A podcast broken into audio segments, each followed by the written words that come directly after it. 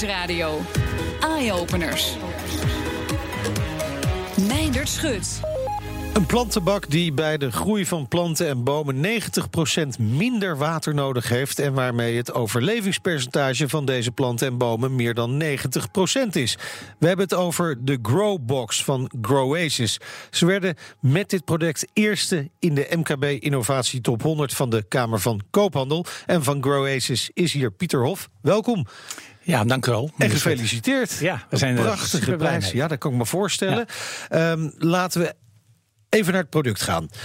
Als ik er zo naar kijk, is het eigenlijk een soort intelligente emmer. Ja. Klopt dat? Het is een eh, intelligente emmer die eruit ziet als een eh, vierkante bak met een opening in het midden. Eh, je Ja. zou het ook kunnen zeggen een soort van donut. Ja, een En kartonnen emmer die- donut. ja, die wordt gemaakt van hetzelfde spul als eierdozen. Ja. En daardoor kun je ze in een vorm maken. Het is dus in feite papier maché of pulp. Die maak je in een bepaalde vorm. En daar creëer je dan een emmer van. Waarin we wel additieven moeten toevoegen. Ja. Zodat hij niet lek is. Oké, dat water mag dus eigenlijk niet ontsnappen uit de emmer. Correct. Wat we doen is dat we een eh, x hoeveelheid additieven toevoegen. Waardoor er net voldoende water uit de bak ontsnapt. Ja. Een soort van zweten op de bodem. Waardoor de boom niet sterft, die we planten in het midden van die bak. Maar waardoor hij niet voldoende krijgt om te groeien. En dat stimuleert die boom om zelf water te zoeken. En dan gaan de wortels de grond inschieten. Ja, en de- een boom is eigenlijk net als een, eh, stel, vergelijk bijvoorbeeld met een mens. Ja. Als een mens geboren wordt, dan weet die mens in de eerste seconde, ik moet ademhalen. Er is Ja, niemand die, ja, de- die nee, dat tegen die baby nee, zegt. nee. Ja. Nou, zo weet iedere boom, als ik water wil hebben, moet ik met mijn wortels diep. Ja, maar het is eigenlijk een beetje de wortel voor de neus van een paard houden. Ja, De hele tijd. En, Ja, een- en een beetje wegtrekken. correct. Gemeen. En- ja, het is een beetje gemeen. Maar je moet hem ook stimuleren. Want wat we moeten zien te bereiken... is dat de wortel in het eerste jaar meer dan drie meter diep komt. Ja. Daar zit voldoende vocht. En dan gaat die boom nooit meer dood. Ja, dit, is- dit is natuurlijk niet echt voor, voor Nederland bedoeld. Hè? Dit, dit, dit is voor droge gebieden, kan ik me voorstellen, waar die wortels inderdaad zo diep moeten gaan. Eh, ja nee. Het is eigenlijk zo dat eh, je hebt heel veel droge landen, ogenschijnlijk droge landen, Ja.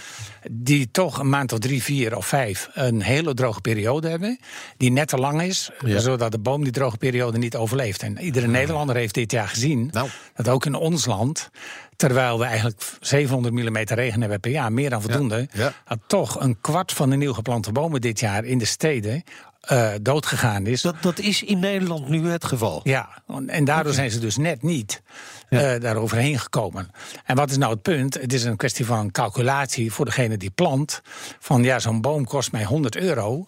Wil ik misschien niet 10 euro investeren, zodat mijn bomen nooit meer doodgaan? Want, want dat kost de Growasis. De Ja, Growbox, sorry. De Growbox is nog veel goedkoper. Wij, wij verkopen hem tussen de 2 en de 3 euro. Ja. Dus dat is een hele lage prijs. Maar eh, om de Growbox toe te passen heb je ook je organisatie. Mensen Ja, moeten hem in de stoppen.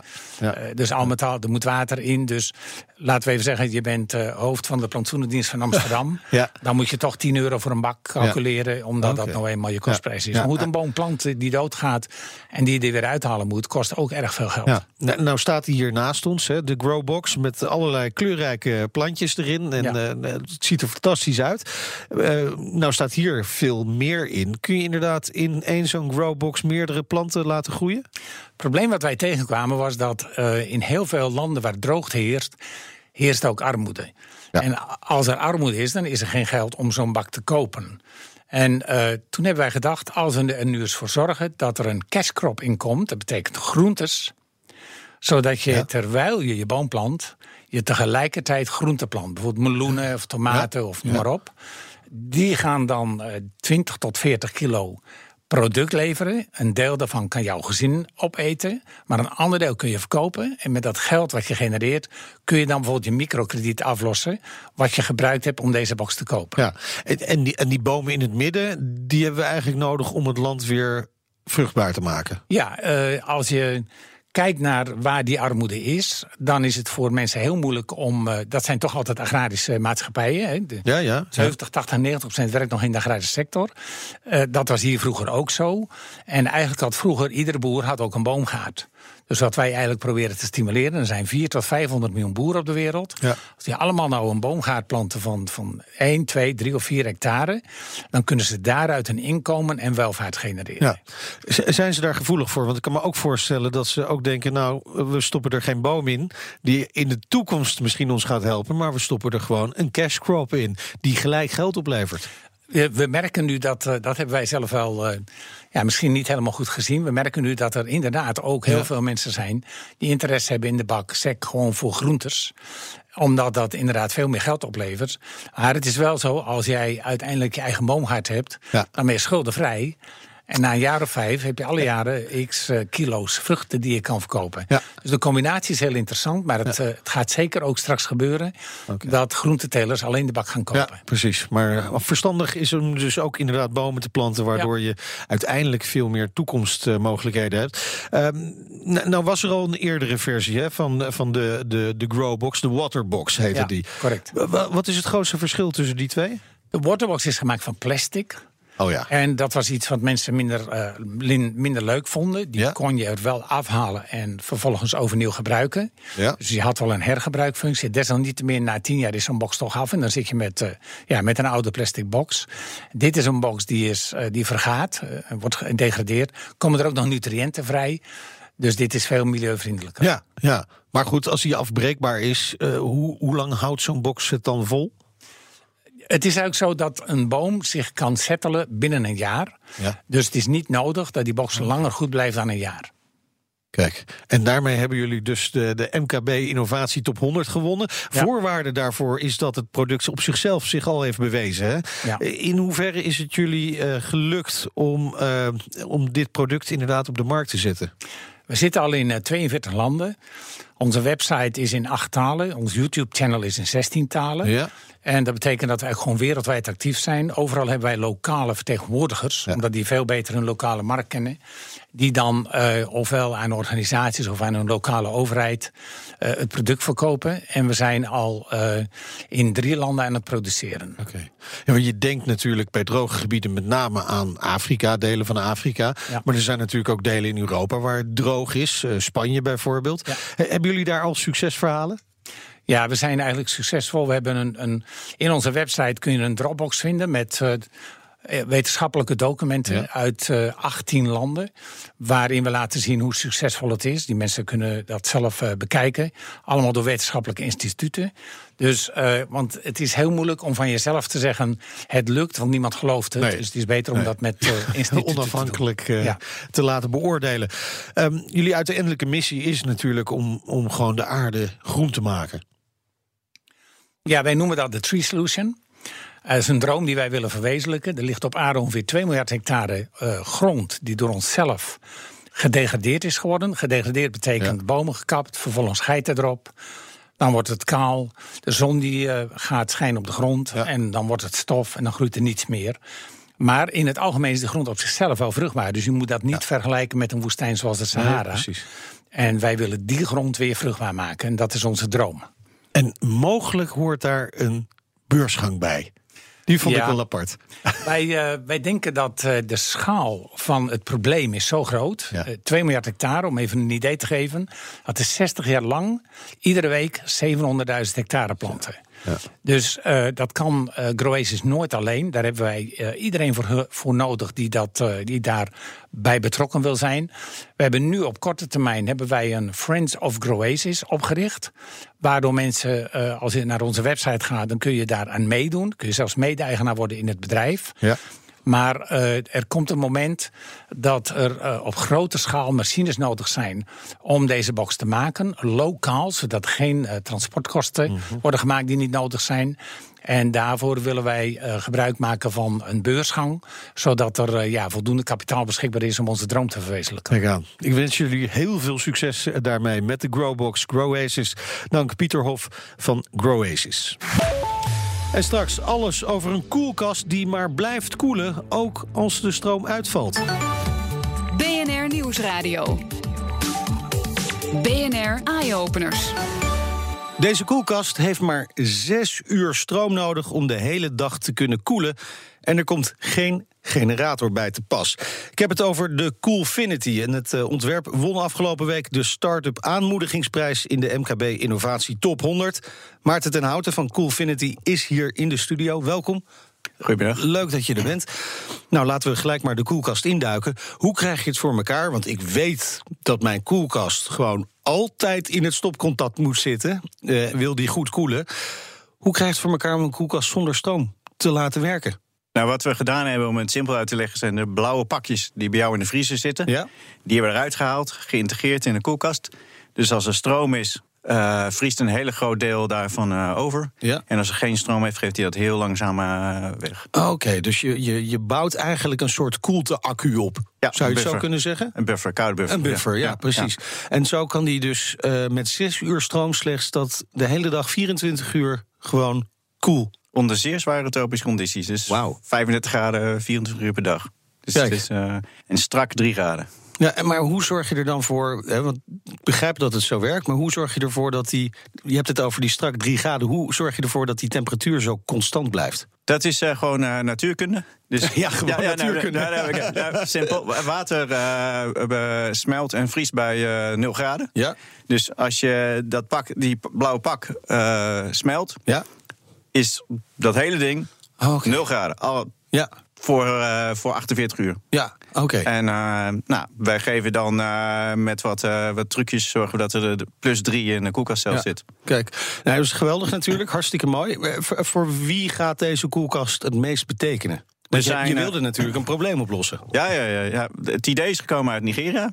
Vijf uur stroom per, per dag, altijd. Ja, dus in veel landen ter wereld ja, is het ja. niet zo als wij het hier gewend zijn. Hè, dat we gewoon het knopje omzetten en we hebben elektriciteit. Er zijn uh, drie uh, gebieden. Eén bijvoorbeeld vaccins en uh, medicatie. Gaan Ja. 130 miljoen vaccins die in de koelkast liggen in die landen gaan verloren per jaar. Een miljard euro. Ja. Uh, voeding. Dus uh, voorkomen van voedselvergiftiging, uh, behoud van voedingswaarde en uh, vitamine. Dus ongeveer 20% van al het voedsel gaat verloren door slechte koeling in de, in Ja. de wereld. En uh, ander ding is bijvoorbeeld, we zijn in Kenia bezig met kleine boeren.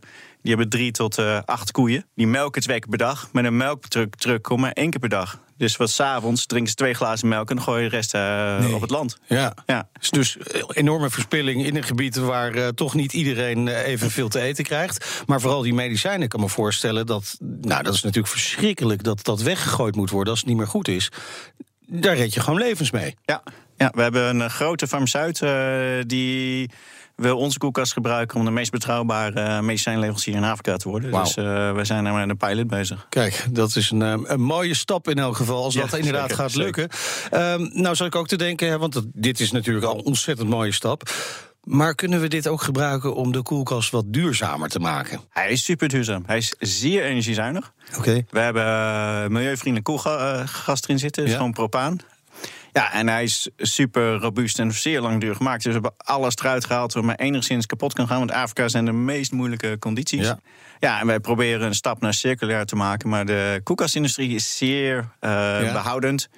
Dus we hebben deze stap, was voor hun al heel veel. Ja, ja. Dus we, we hebben nog wel een idee hoe we verder kunnen. Maar uh, dit is al voor hun een grote stap. Ja. ja, maar ik zat eraan te denken dat. Uh, want je hebt niet extra energie nodig om die koelelementen te koelen uh, dan normaal. Nee. We hebben bij onze koelkast is 64% uh, minder CO2-uitstoot dan een standaard koelkast Ja. die nu in het veld staat. Nou, dan zou ik hem ook wel willen in mijn huis. Het is een uh, business-to-business -business koelkast. Ja, dus, uh, vooralsnog, ja, toch? vooralsnog, ja, ja, ja, ja, Huishoudens uh, ze, komt later. En uh, na aanleiding van die MKB-prijs zijn we in contact gekomen met uh, Ruud Kornstra. Ja. En die zei: dit, deze koelkast is super relevant ook voor de energietransitie. Ja, precies. Dus daar zijn ik. we nu. Ik heb uh, met hem zitten bellen en e-mailen. Dus we gaan kijken of we bijvoorbeeld peak shaving. Dus als er heel veel elektriciteit is, moet het gewoon zo snel mogelijk opgeslagen worden. Ja, natuurlijk. Ja. En onze, ons systeem je is, kunt is dus water. eigenlijk de, de, de zonne-energie die je Ja. overdag Ja. niet gebruikt, zou je in je koelkast kunnen bewaren. Ja. En we zijn met één provincie uh, al uh, aan het praten erover. Dus het gaat Wauw. uh, vrij hard ineens. Wauw. Ja, het gaat hard. Maar hoe, hoe hard gaat het? Wanneer zou die koelkast bij ons in huis kunnen staan, denk je? Uh, Eerst maar eens even andere delen van de wereld helpen, misschien. Ja, we hebben, uh, dat, in principe is, is dat volgend jaar. Maar wow. het is gewoon voor ons een kwestie van geld. Ja.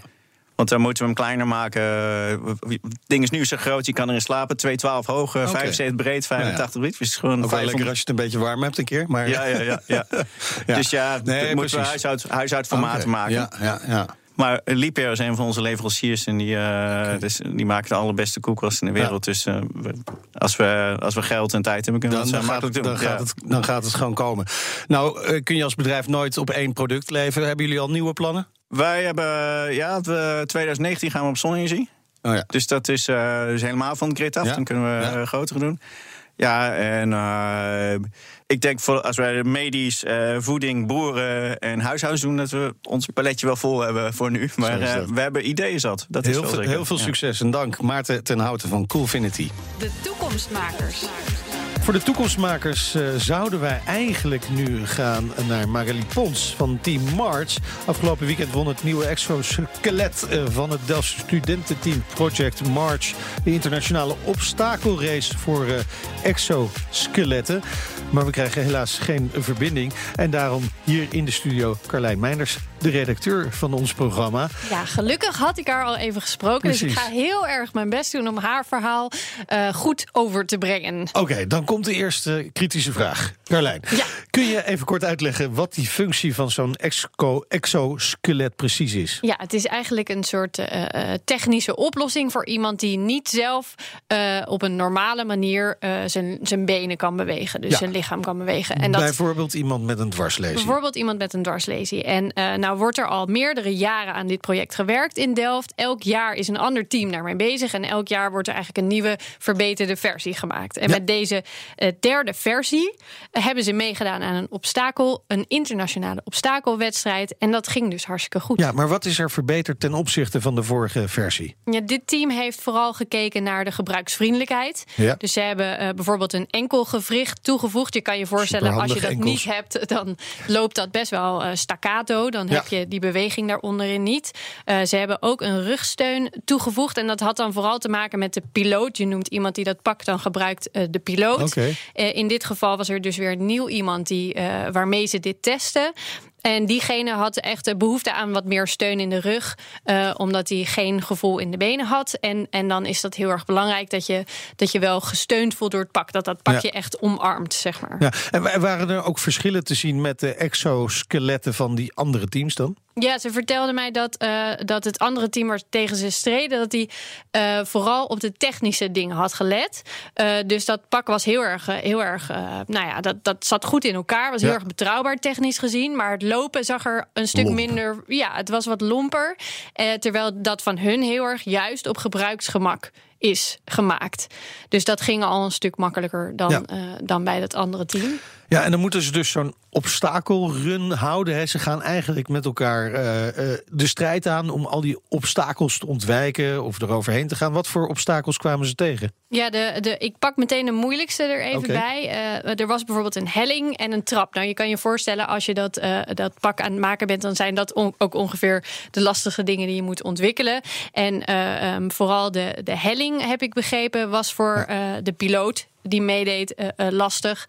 Eh, allebei eigenlijk wel, omdat zij dus die- dat gevoel niet heeft. En, en ook last van drukpunten krijgt vrij snel. En dan kun je vrij snel blaren krijgen. Nou, dan kun je al helemaal niet meer meedoen aan de wedstrijd. Daarom is er ook de hele tijd iemand bij geweest die, die in de gaten hield. Gaat dit fysiek allemaal nog de goede Ja. kant op?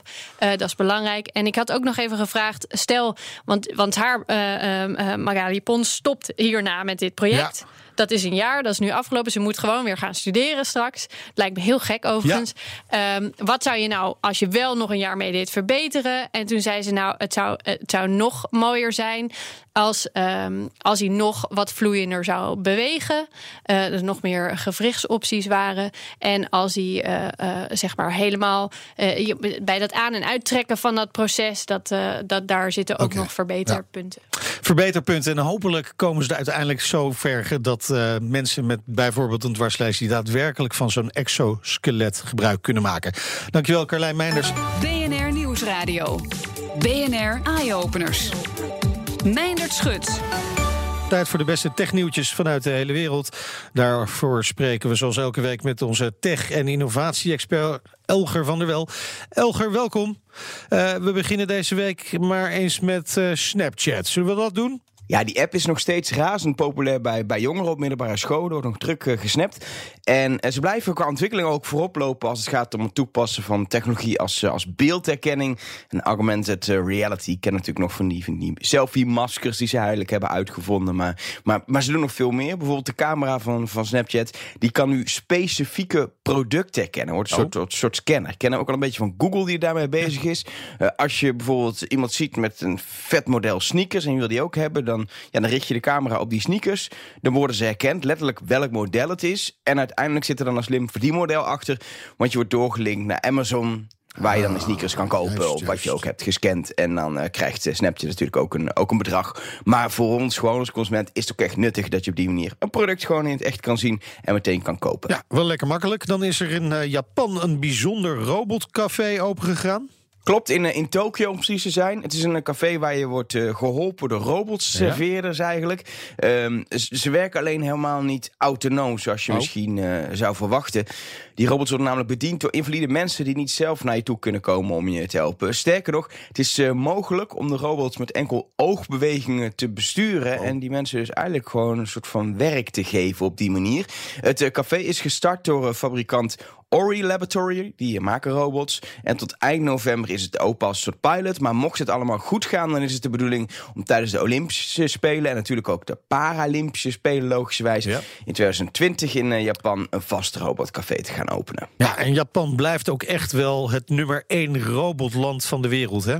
Zeker, maar het wordt niet altijd even nuttig ingezet, die technologie die ze ontwikkelen. Dus bijvoorbeeld een uh, Japanner die heeft een, uh, een filmpje op YouTube uh, geplaatst... en laat zien dat hij een robotische Rubik's Cubus heeft gemaakt. Weet je wel, met al die kleurtjes uit de jaren 80, dat ding. je legt die kubus op tafel en dan begint hij eigenlijk zelf te bewegen... en lost hij zichzelf op, wat best wel creepy eruit vindt zien... alsof die kubus leeft, maar technisch is het best wel klap. Want er zit in ja, eigenlijk die kleine kubus, er over ook nog heel veel draaiende onderdelen... zit superveel elektronica en ja, dat is echt wel ja, echt bijzonder dat hij dat voor elkaar heeft gekregen.